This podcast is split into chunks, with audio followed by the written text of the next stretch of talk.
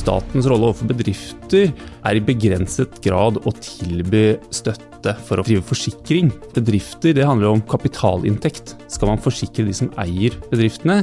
Og det er svaret i utgangspunktet nei. Så det skal ikke staten gjøre.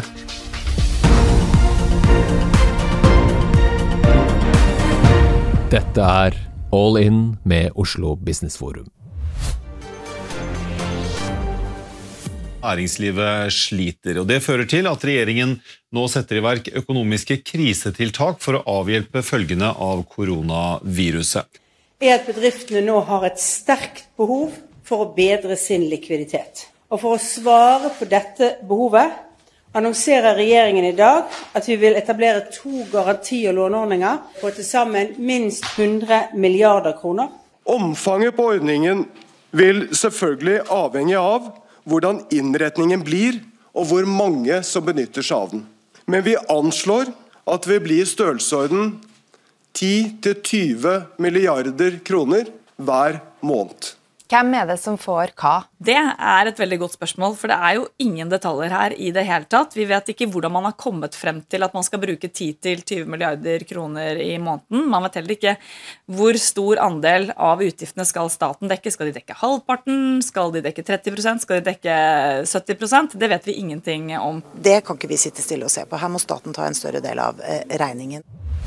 Trygve Hegnar påsto i lederartikkelen 'Professorenes inntogsmarsj' at kritikken som har kommet i anledning statens krisepakker under koronakrisen, er feil.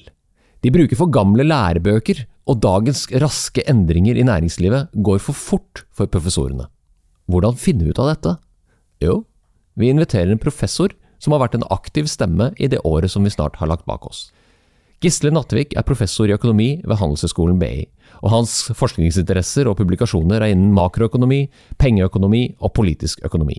Og sammen med kollegaene sine, Espen Moen og Espen Henriksen, i tillegg til egne faste bidrag i Dagens Næringsliv, har jeg talt rundt 15 artikler og kronikker i forbindelse med korona. Gisle har også organisert en webinarrekke hos Oslo Makrogrupp, sammen med Fredrik Wulfsberg fra Oslo OsloMet og Kjetil Storesletten ved Universitetet i Oslo, om korona og norsk økonomi.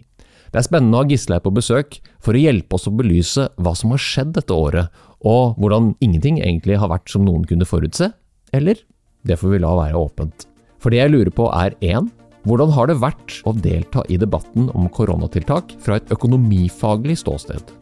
2. Politikere og påvirkere som skal vise handlekraft i en krise. Er det en fordel eller en utfordring? Og 3. Ser vi en dreining i økonomisk politikk bort fra et helhetlig, langsiktig strategi mot kortsiktige særinteresser med stor gjennomslagskraft? Velkommen til podkasten All In med Oslo Business Forum, en podkast for ledere som er lidenskapelig opptatt av ledelse, innovasjon og strategi.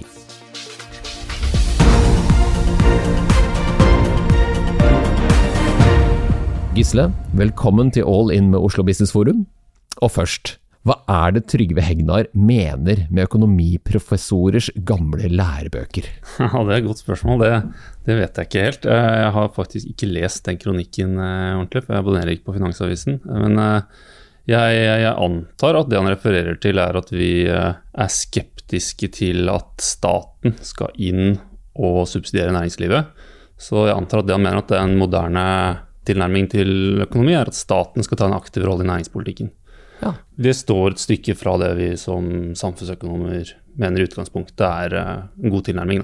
Og hva er en god tilnærming, da? For eh, er det makroøkonomiske prinsipper? I en sånn krise som det her, så er det på en måte ganske altså hva skal jeg si, lett, men at det er ganske klart hva som er de grunnleggende prinsippene som økonomifaglig bør gjelde. Eh, det er to hovedprinsipper som er veldig nyttige å ha i bakhodet så før jeg sier de, så kan jeg alle si først si det første man må tenke på når man tenker på offentlig politikk, er hva er det staten kan gjøre som private markeder ikke kan gjøre? Så Hvis det er et problem som egentlig kan løses i private markeder, så, så bør ikke staten gå inn og tukle med markedene. Så hva er det staten kan gjøre? Vel, hvis vi tenker på hvordan markeder fungerer, så kan staten i en krise som denne tilby forsikring av den typer inntekt som markedene ikke kan forsikre særlig godt. Og det gjelder særlig arbeidsinntekt. Det er vanskelig for arbeidsfolk, eh, for, for hvem som helst som jobber, å, å, jobbe i mange forskjellige bransjer på en gang. Sånn at man på en måte er forsikret mot hvis en bransje går dårlig, så tjener man mer i den andre. Det er vanskelig å gjøre med arbeidsinntekt. Um, og det er også vanskelig å kjøpe privat forsikring mot arbeidsinntekt. Så Det er noe som har vært studert mye i økonomi, og vi vet svaret ganske godt. Det er at uh, hvis et forsikringsselskap prøver å tilby forsikring mot f.eks. For ledighet, så vil det typisk trekke til seg akkurat de arbeiderne som har høy sannsynlighet for å bli ledige. Og det gjør at den typen private markeder fort bryter sammen. Og Derfor er det bedre at staten tilbyr. Og Det er det som er vanlig, det ser man på tvers av alle land, at staten typisk tilbyr et, en eller annen form for sikkerhetsnett mot arbeidsledighet. Og så er det veldig stor variasjon på tvers av land hvor høye de støtteratene er. Og der er det på en måte mer rom for å være sånn personlig uenig av politiske grunner osv. Hva som er rett støttenivå. Men liksom, prinsippet at staten forsikrer arbeidsinntekt, det, det tror jeg jeg har aldri møtt en økonom som er uenig i det. Så er det den andre biten, og det er hva med bedriftene? Jo, det er kanskje ikke like opplagt for alle, men man har tenkt litt på det og, og satt seg litt inn i hvordan si, økonomifaglige betraktninger rundt det med forsikring og effektivitet, så er det ganske klart at statens rolle overfor bedrifter er i begrenset grad å tilby støtte for å drive forsikring. For, for bedrifter det handler om, om kapitalinntekt. Skal man forsikre de som eier bedriftene? Og det er svaret i utgangspunktet nei. Det skal ikke staten gjøre. Hvis du har lyst til å forsikre deg som kapitaleier, så kan du diversifisere, altså du kan spre deg ut over mange forskjellige bedrifter. Så du kan selge aksjer i ditt eget selskap, og så kan du kjøpe litt flere aksjer i andre selskap. Så det er en helt annen måte, en helt annen tilgang til å drive forsikring når det gjelder kapitalinntekt, enn på arbeidsinntekt. Men det man kan si er at støtte til bedrifter så jeg skal komme litt tilbake til at det er noen kvalifikasjoner her på det argumentet, men i fall støtte til bedrifter bør utgangspunktet da være motivert ut fra effektivitetshensyn. At vi kan gå inn med statlige midler, få bedriften til å fungere mer effektivt. Så Jeg kan komme med ett eksempel da, som er veldig relevant i forhold til korona. og Det er dette med konkurser. Kanskje er det sånn at uh, en bedrift uh, vil gå under fordi den f.eks. driver med hoteller og ikke får dekning på hotellrommene nå. Så er spørsmålet er det tap for samfunnet. Det er åpenbart et tap for eieren hvis han mister bedriften sin. Og, men er det tap for samfunnet, den konkursen?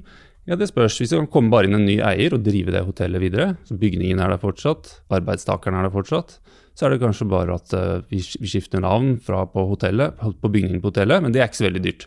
Det er ikke noen stor ressursløsing at man bare skifter bokstavene som står ute på hotellbygningen. Hvis det er alt som skjer, så er ikke det noen grunn for at staten skal gå inn og, og, og subsidiere den eksisterende eieren og hindre en konkurs. Hvis det er sånn at det hotellet ikke ville f.eks. bli drevet av noen andre. Hvis du tenkte et familiedrevet hotell langt ute på Vestlandet, hvor en vesentlig del av det du kan tenke på som er lønna til den som driver hotellet, er at de får lov å bo i hjembygda si og gjøre noe nyttig for hjembygda. Det kan jo gi en egenverdi, som kanskje er motivasjonen for å drive hotellet. Og en stor internasjonal hotellkjede f.eks. De vil ikke tenke på det som noe som belønner dem, så de vil ikke gå inn og drive det hotellet videre. Med mindre det er veldig lønnsomt, av rene økonomiske grunner. Så I det tilfellet så kan det være samfunnsøkonomisk tap ved en konkurs. ikke sant? Fordi Hvis den eksisterende familien på Vestlandet som driver dette hotellet, ikke driver det lenger, så er det ingen andre som vil ta over driften. og Da er bare den kapitalen, den bygningen, vil bare stå der tom og er bortkastet. Det, er, det, kan være et reelt tap, og det kan være et stort tap, og det kan være et godt argument for at staten skal gå inn og avverge konkurser. Hvor stor rolle spiller den ideologien som vi har fra helt siden andre verdenskrig, egentlig, med keynesianismen, og at det skal være en slags redningspakke fra ja, det, planke? Er det? det var noe som ble Det var på en måte noe som var ganske heftig diskutert, særlig i starten av krisen. Ja. Er det her eh, sånn at staten skal inn og stimulere økonomien? Det er typisk den keynesianske ideen. Å holde hjulene i gang. Staten skal inn og holde hjulene i gang. Ja. Men det er jo ganske tydelig at det er jo ikke noe vi vil i den krisen her. Vi vil jo ikke at folk skal bo på hotell. Det er, ikke noe vits å stimulere til å overnatte på hotell når hotell, vi vil at folk ikke skal bo der. Vi vil at aktiviteten skal ned i noen deler av økonomien fordi det nå er smittefarlig. En god sammenligning kan være f.eks. For eh, forurensning. Plutselig oppdager myndighetene at eh, når det er veldig kaldt i Oslo, så er det forurensende at eh, trafikanter kjører med dieselbiler. Så da prøver de å begrense hvor mye folk kjører med dieselbil. Da er det ikke noe lurt å gå inn og Samtidig vi da skulle stimulert, prøvd å oppfordre de som eier dieselbiler til å kjøre. Man må velge. Så, så den rene sånn kensianske tankegangen om at man skal inn og stimulere, er en veldig dårlig tilnærming til en krise som denne. Denne krisen er spesiell. Den er veldig klart hva den handler om. Altså en midlertidig nedstenging av økonomien i spesielt noen sektorer, men ikke andre. Og Det er ikke en sånn bred kensiansk tilnærming. Det høres uh, tullete ut. Jeg tror vi har tatt elementer av det, og vi skal komme tilbake til det. For det er jo noen som åpenbart bruker det for Ja, det er sin forvirring i, når de fremstiller saker. Det er jeg helt enig. Ja. Ja. Men det var det også blant økonomer altså, og fagøkonomer, og vi diskuterte det veldig mye sånn, internasjonalt også. Sånn mars-april i fjor så var det jo mye diskusjoner i fagkretser òg. Så det at, eh, at på en måte politikere eller ikke-økonomer da, driver fortsatt og tenker på den måten, det er ikke så rart. og Det, det holder jeg på ingen måte mot dem. Det, Nei. det er helt rimelig. Det, jo, og det berører jo veldig mange dette, og, og mange er nysgjerrig på det. Det er derfor jeg er veldig glad for at du er her. Men, men hvordan har det vært da, som økonom? Å delta i denne diskursen som fortsatt pågår, på roller Eh. og gass og brems og grønt lys og gult lys og støttepakker og Ja. skatteletter og Fortell, hva har det Eh, vært? nei, det har jo vært eh, Jeg vil si at det har jo sånn rent personlig for, oi, Det har vært interessant. Eh, det har vært litt frustrerende til tider med spriket med på en måte hva vi tenker er liksom grunnleggende logiske tilnærminger. Forsikre arbeidsinntekt, støtte til bedrifter skal begrunnes med effektivitet, men ikke med forsikring. Så Det tenker vi er sånn grunnleggende logiske prinsipper. så liksom, Det bør ligge i bunn, og så har vi på en måte ikke fått gjennomslag for det. Det har vært frustrerende over tid. da. Så ser man, så noen av, i, start, I starten av krisen så var det også sånn at vi hadde jo veldig forståelse for at ting skjedde fort, og ingen hadde noen fasitsvar. Og de som sitter ved, ved rattet, altså politikerne, de hadde jo et veldig behov for å treffe beslutninger raskt, og sikkert med rette. Det sånn som Tilgivelsesfaktoren blant oss økonomer var veldig stor. Altså jeg kunne hisse meg opp over at jeg syntes enkelttiltak virka ganske dumme, sånn rent økonomisk faglig, men jeg hadde veldig forståelse for at de gjorde det likevel. Eh, Så har den frustrasjonen over at sånn den type beslutning blir truffet, den vokser jo lenger det er siden krisen traff. For nå har vi liksom hatt veldig god tid på oss, syns jeg, da, til å tenke gjennom hva som er en god prinsipiell, strukturell tilnærming til det. på en måte. Og du ser jo fra, Det jo det bedrifter også sier ofte i avisen, at de, de klarer ikke å se, forutse hva som skal skje. Hva er neste trekk? Det, det ligner veldig på den frustrasjonen som vi fagøkonomer har. med at ikke sant, Hvis de bare hadde etablert hva som er prinsippene, hva er liksom de grunnleggende Strategien er et godt ord, da. Hva er strategien i bånn? Så har det vært lettere å forholde seg til når det kommer nyheter om smitte og vaksiner og andre smittebølger og tredje bølge og sånn, og da klare på en eller annen måte å forutse hva som vil bli politikkresponsen òg. Men det har det jo i liten grad eh, vært, da, fordi politikken har vært litt sånn eh, fra dag til dag og litt sånn pussig innfall. Men nå har vi holdt på med dette et år. Hvorfor har man ikke klart å lage kalde kjøreregler for strategi? Altså, hva, skyldes det? Det vet jeg jo ikke. Eh, Det, det er jo helt sikkert eh, veldig vanskelig å sitte, og, sitte ved rattet i en situasjon som den, så jeg har veldig forståelse for det. Men um, fra utsiden så ser det jo kanskje ut som det er mye særinteresser, og det er jo heller ikke så rart. altså Særinteresser, sånn som særindustrier, spesielle industrier som har truffet veldig hardt, har jo veldig sterk interesse av å prøve å påvirke politiske beslutninger. Og når politikerne blir veldig dratt i av særinteresser, kanskje noen av de særinteressene er eh, viktige i partiorganisasjonen, jeg vet ikke, sånn som Arbeiderpartiet har tradisjonelt hatt veldig sterk forbindelse med fagforeninger, Høyre, eh, NHO. Så når de kommer på banen og har veldig sterke oppfatninger at nå må dere treffe en beslutning raskt, så kan jeg tenke meg at, uten at jeg vet om det er det som er tilfellet, men at det vil veie tyngre da, enn en sånn idé om å ha en sånn grunnleggende strategi. Så det er liksom å si nei, i prinsippet så skal vi ikke drive og forsikre kapitaleiere. Det er kanskje vanskelig å stå for det når, det, når NHO kommer og sier trygler om å få penger til å redde store bedrifter. Ja, og jeg, har jo opplevd at NHO har også snakket om arbeidsinntekt. Altså folk må holdes, de må ha lønn, og de må ha noe sikkerhet i forhold til det, og man har utvidet permisjonsrettigheter. Permitteringsreglene er jo interessant. Da. Eh, Permitteringsreglene er jo i utgangspunktet ikke en ordning for å forsikre arbeidsinntekt. Nei. Eh, Permitteringsordningen er en regel som gjør at bedriftene kan bli kvitt på en måte noe av den byrden det er å, å, å kvitte seg med arbeidere. Så, de kan, de kan, så den er blitt lempet på. eh, Så du kan på en måte si opp arbeidere uten at du trenger å betale lønn ut oppsigelsestiden. Og så kan du hente dem tilbake igjen. Og det som skjer er at lønna da i en periode blir betalt av staten istedenfor bedriften. Og i, og i tillegg så må arbeideren etter en stund ta et lønnskutt. Og det, den, det som skjer er at uh, Istedenfor at bedriften betaler lønna, så betaler staten lønna, og arbeideren betaler nå lønna ved å gå ned i lønna. Så det er ikke sånn, I utgangspunktet er, vel, er ikke det en ordning for å forsikre arbeiderne, det er en ordning som er gunstig for bedriftene.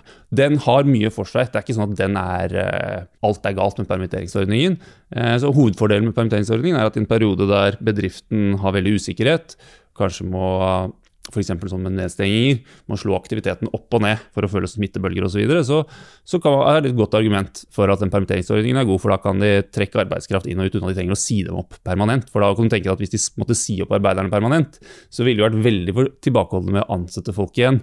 Eh, når det er en risiko for at det kan komme en ny smittebølge om en måned. Men Tror du ikke den var der? altså Den er lett å Etter, etter ganske jo, jo. få uker så var det bare å utvide det og så se på dette her som sesongvariasjoner. Og så har det vært en, en sikkerhet for arbeidstakere som plutselig ikke har hatt en jobb å gå til. Ja, så Det er to ting i det du sier. Det ene er at dette er et håndtak som man hadde i Norge effektkrisen. Det har blitt brukt, det er ikke første gang permitteringsordningen ble brukt. Det ble brukt veldig mye f.eks. For i forbindelse med den oljenedgangen mm. i 2014. Så, så, det er veldig forståelig at de trakk i den bremsen. Men det de gjorde også, var jo at de ved en permittering vanligvis er det en lønnsplikt for arbeidsgiveren på om lag 15 dager.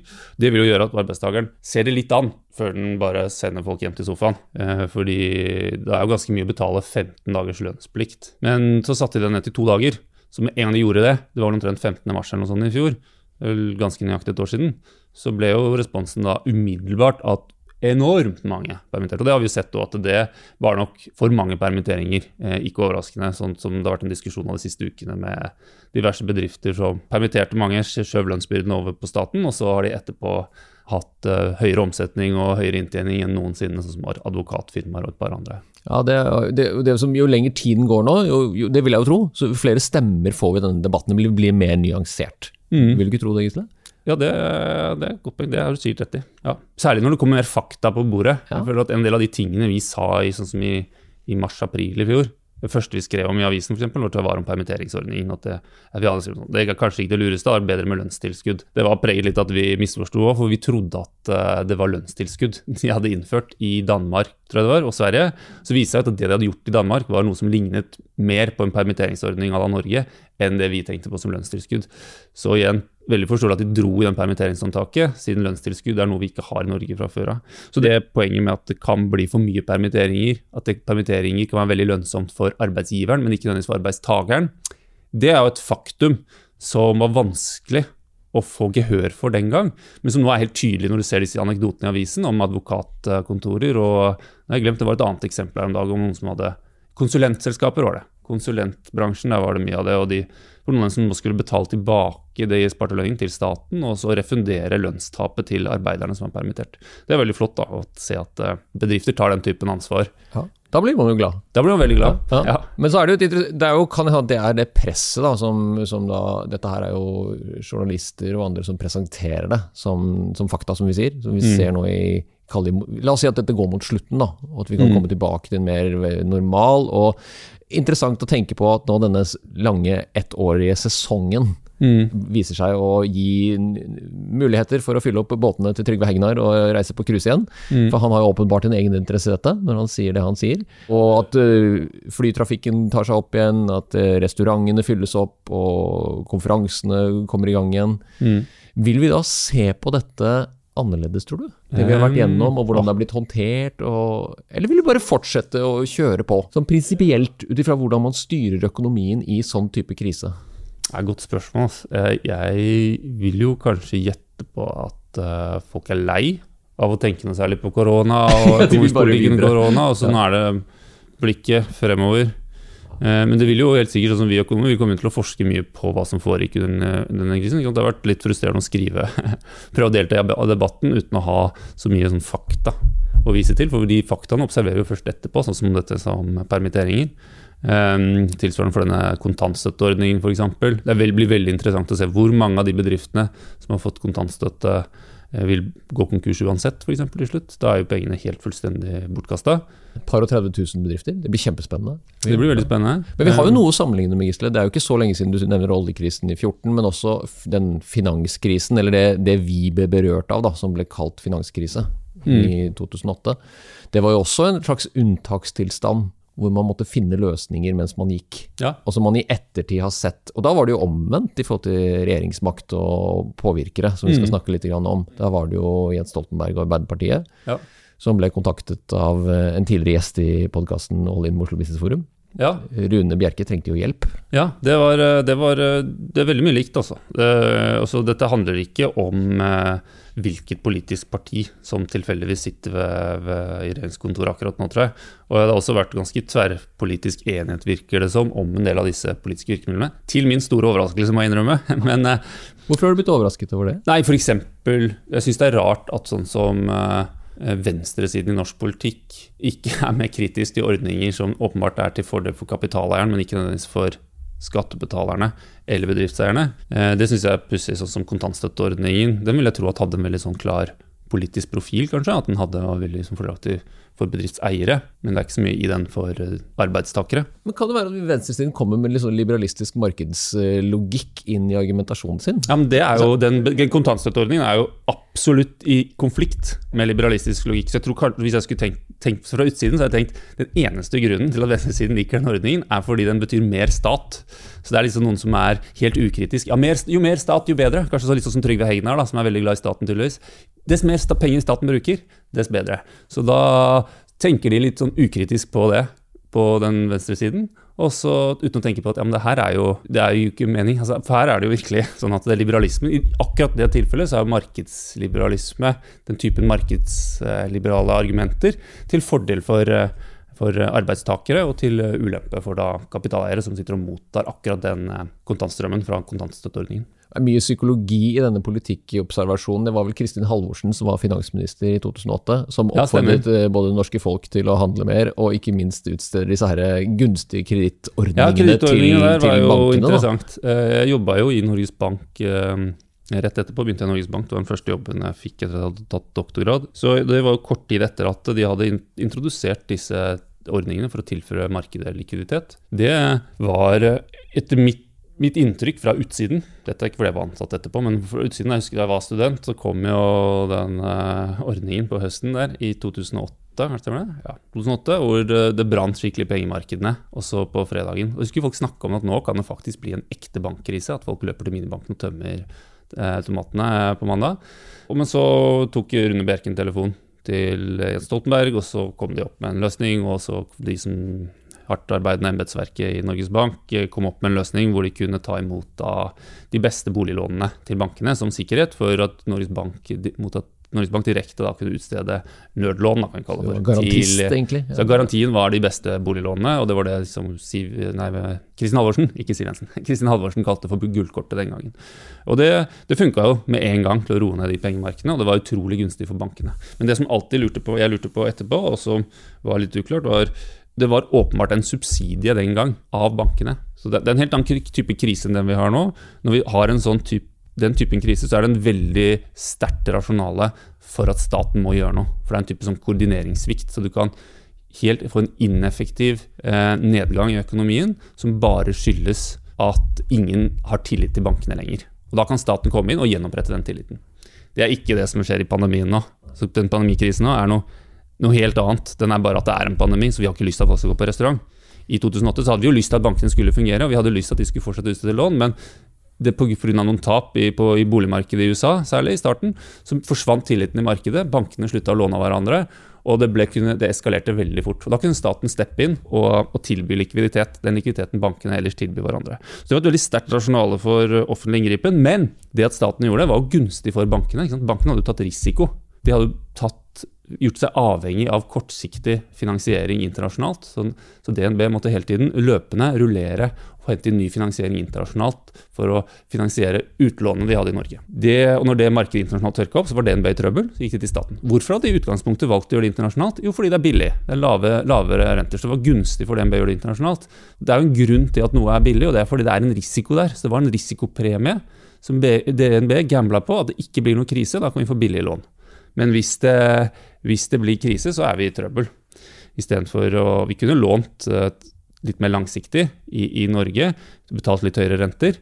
Men eh, de valgte å ta den sjansen internasjonalt. Så når krisen da kom, så gikk de til staten. Og staten steppa inn, og det gikk helt fint. Og DNB tok veldig, veldig lave tap da. Det gikk kjempefint for DNB, men det hadde jo implisitt fått en subsidie av staten. Og i, dag, i 2008 så tok ikke staten noe tilbake, de bare ga den subsidien til DNB, og staten fikk jo ikke noe tilbake for det. Så skattebetalerne tok på seg litt risiko. Det var jo en sjanse da for at DNB skulle gå under, men de tok på seg den risikoen, og de fikk ikke noe særlig tilbake for det, annet enn ordinær rente. Og Det var provoserende den gang. Og Det var i sterk kontrast til hva man hadde gjort på tidlig 90-tall i bankkrisen, hvor, hvor, staten kom inn og tok eh, og sa at kan, de tok mer en eierel, en posisjon i banken. sånn at Hvis banken overlevde, så eide staten en del av banken og fikk en del av den fremtidige verdiskapingen der. Så det var en veldig kontrast den gangen, fra mellom 2008 og tidlig 90-tallet. Det vi ser nå, er på en måte oppleves litt som en videreføring av den tilnærmingen til krisepolitikk fra 2008, ved at man går inn og betingelsesløst tilbyr eh, billige lån til bedrifter. Det er kanskje ikke så dumt, men det, er nå det man gjør. Og der vil jo da være den implisitt, så er det et tilskudd, en subsidie av bedriftene, at de får billige lån. Lånene fra staten er billigere enn fra private banker.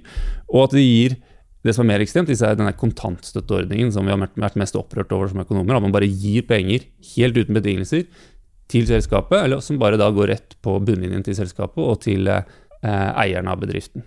Og for små bedrifter så, så, er det jo i veldig stor grad at disse pengene går bare rett til å betale husleie. Så det ikke, blir jo ikke engang eierne av bedriften som sitter igjen med pengene, men det er eierne av f.eks. Eh, bygården de leier en restaurantlokale eller noe sånt. Så det er noe helt det går veldig langt ut av en sånn markedsliberal tilnærming til hvordan økonomisk politikk skal være. da. Men handler det om handlekraft? Altså å vise at her skjer det noe. Ja, det tror jeg. Man tar, ikke, liksom, man ikke, tar seg ikke tid nok, kanskje, eller klarer å, å, å, helt fatte hva som skjer, og så blir man påvirket av veldig mye omstendigheter og krise. Og så er det jo alltid noen som har muligheten til å påvirke beslutningstakere. Mm. De er jo ikke upåvirkelige. Altså, de, jo, de, sitter jo ikke i et Nei, så det er jo på en måte, det, det er et veldig interessant spørsmål. Jeg spurte Eh, vi hadde et, sånt, et av de webinarene på Oslo Makrogrupp eh, hvor hun eh, Ole Rumoen fra Finansdepartementet var der. Og så kom det opp dette med rollen til lobbyister versus økonomer, og hva er det som egentlig skjer, har de for mye? Så da, da var det jo en av sjefene i, i, Finansdepartementet, Amund Holmsen, sa jo det at det er jo ikke, som han sa, det er ikke opplagt det at, altså Lobbyister er jo en del av økonomisk politikken. Det er jo sånn det er. Og sånn jeg tenker på det, så er det ikke opplagt heller at det er galt at det fins lobbyister. Det handler om hvor mye innflytelse de får. Det handler kanskje om prosessen bak. Hvis det blir veldig sånn fra sak til sak, så syns jeg det er negativt. At, at måte, politikken blir veldig lite sånn enhetlig strategisk, men blir, blir sånn skiftende og lite forutsigbar. og Det er veldig vanskelig å se de grunnleggende prinsippene bak. Men lobbyister, altså eierinteresser f.eks., de har jo en verdi i den grad at de kan bringe informasjon til politikerne. Hvis det bare skulle vært uh, fagøkonomer, da, sånn som meg, som sitter på akademiet, så er det klart at uh, vi har jo på oss helt andre sko, som folk liker å si, enn de som er ute og, og jobber i, i, næringslivet. Så det er klart den informasjonsflyten om hva som er behov akkurat her og nå, den får du jo ikke fra, den får du ikke fra oss som er uh, ansatt på universiteter eller handelshøyskoler, sånn som meg. Den, den, får du fra de som er som er ute i næringslivet. Ja, Og så har du jo en egeninteresse til beslutningstakeren, som vi så vidt var innom eh, tidligere. At de, ja. de, skal jo vise at de både forstår denne relativt komplekse situasjonen, mm. og vise også både for velgerne sine og også mot eh, jeg kaller det hele opinionen. Da.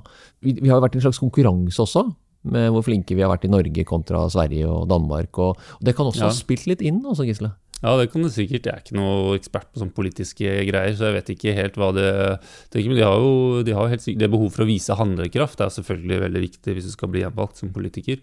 Og så har jeg også, det var særlig i starten av krisen, så var det jo Jeg fikk en veldig sterk følelse av, av at erfaringene av 2008 de veide inn de, i starten av krisen nå. Det var veldig viktig å vise handlekraft, veldig viktig med stor politikk, massiv. Jeg husker eh, jeg tror det var Øystein Dørum fra NHO som oppsummerte behovet for sånne kompensasjonsordninger. og snakket om at de skulle være massive, store. Det opplevde jeg som et, et, feil, et litt sånn villspor igjen. Altså det, det, er helt riktig hvis det man står i er en tillitskrise, sånn som det var for bankene i 2008. Helt i starten i mars så var det kanskje en frykt for at noe sånt kunne skje at det kunne bli en tillitskrise i banken, finansmarkedet igjen. Så ingen turte å låne hverandre, og kredittmarkedene tørka opp. Eh, men det ble ganske tidlig klart at det, det skjedde ikke. Og en av hovedgrunnene var selvfølgelig at sentralbankene var veldig aggressive med å pøse likviditet inn i markedene. Så det behovet for sånn massive tilskuddsordninger eh, veldig raskt til eh, næringslivet, det syns jeg virket litt overdrevet. Jeg tror ikke det var Da tenkte jeg det er ikke dårlige hensikter, det er bare at man misforstår litt. At man sammenligner det nå med den rene sånn bankkrisen, den finansielle krisen i 2008. Men det vi har nå, er et annet objekt, det er et annet dyr. Så vi hadde noen på, uh, en gjest, en kjent økonom som heter Markus Brunnemeier fra Princeton, som jobber mye på, i skjæringspunktet mellom makro og finans. og De har et uh, godt paper om um, kredittordninger, støtteordninger for bedrifter. Da. Uh, og da starter jo det paperet, så står det Den første setningen er noe sånt som 2020 is not 2008. Som er akkurat det. Bare, vi kan ikke slåss mot dagens krise som om dette er den samme krisen som i 2008. Jeg tror kanskje noe av den responsen som vi som økonomer syns er litt frustrerende, den kommer kanskje av at uh, man har måte, tatt disse lærdommene fra 2008, og så prøver man å gjøre det en gang til. Men det som er helt fantastisk, da, som professoren og forskeren kan gjøre, er jo å se det i retrospekt. Altså se hva var det vi sa. Altså det er jo det, Når vi nå får tallene, når vi nå får fasitene på hvordan disse instrumentene og ordningene man laget, virket, mm. så blir det jo kallende fristende å si hva var det vi sa? Kommer du til å gjøre det?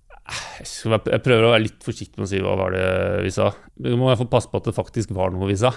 For ellers så blir det sånn at alle sier hva var det vi sa, uten at det egentlig Hvis man sier nok, så kan man alltid si hva var det vi sa. Men eh, det som er litt vanskelig med å delta i den offentlige debatten da, som, eh, som, økonom, som jeg tror veldig mange kjenner på, jeg har prata med folk som er mye mer erfarne med dette enn meg, er å, å, å holde igjen litt, da. Altså, vi må ikke være arrogante og tro at vi vet svaret på allting, for det gjør vi jo virkelig ikke. Er det én ting vi som forskere vet, så er det jo egentlig hvor mye feil vi tar. Så det å være veldig sånn eplekjekk fordi man har fått rett, det viser etterpå at du har hatt rett, det Forhåpentligvis så klarer, klarer, vi å la være å være det, men jeg er ganske sikker på at vi kommer til å ha rett i noen av de prediksjonene som liksom ligger bak den skepsisen vi har hatt mot støtteordningen. Da. Så vi får se hvor, hvordan vi forholder oss til fasiten når vi får den.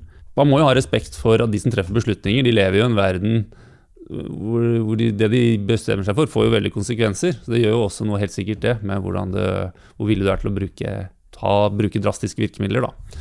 Det er viktig å ha en god dose respekt i bånn for eh, den vanskelige posisjonen som politikere er i. Så jeg håper i hvert fall at selv om vi får rett etterpå, så klarer vi å ikke være altfor sånn eplekjekke og hva var det vi sa-aktige. Jeg skal følge med på det, og jeg, og jeg, har satt veldig pris på å snakke med deg om dette, Gisle. Nå skal jeg oppsummere her. Vi har vært innom de hovedprinsippene, så nå må du korrigere meg hvis jeg har misforstått de. Dette med forsikring av arbeidsinntekt, som er et hovedprinsipp, og det med statlig støtte til bedrifter. Så hvis man kan tikke av de to, så bør man ha grunn til å kunne gå inn og bruke offentlige midler eller ikke. Ja, er det ikke sånn? Hvis, ja, hvis man kan begrunne med, hvis tenker det kan være begrunnet med forsikring og arbeidsinntekt, eller at du kan bedre effektiviteten i produksjonen. Støtte til bedriften må begrunnes med effektivitet. Men så er det dette med denne hastigheten som vi har sett, at det har vært så skiftende, og hvor du har påpekt, og syns jeg var veldig klokt av deg, å etterlyst en diskusjon om strategi eller tydelighet og forutsigbarhet, som jo mange har spurt etter underveis, og det blir tydeligere og tydeligere faktisk at det lider vi under, at det har ja. vi ikke. Og Det er kanskje også en, en, veldig vanskelig ting å be våre beslutningstakere om, fordi at de blir presset fra så veldig mange og sterke interessenthavere, mm. som er tydelige på hva de forventer at uh, disse beslutningstakerne skal gjøre. Og alt i alt, til nå i hvert fall, så har det jo gått ganske bra med oss. Ja. Vi sitter nå her, vi, det nærmer seg vår, vi kan håpe at vi begynner å løsne opp etter hvert, og at vi blir vaksinert og ting kommer tilbake. Og da blir det jo spennende å se Eh, hvem det er som kommer til å stikke seg ut og si noe om hva som var mest presist. Ja. Du skal få slippe å si noe om det, Gisle. ja. Men tusen takk for at du har brukt tid her sammen med oss. Jo, det var gøy. Takk skal du ha. Hvis du likte denne podkasten, hadde vi satt utrolig stor pris på om du abonnerte og gir oss en tilbakemelding i avspilleren. Spre gjerne ordet videre til andre ledere som er lidenskapelig opptatt av ledelse, strategi og innovasjon. Mitt navn er Tor Haugnes. Sammen er vi all in med Oslo Business Forum. Thank you.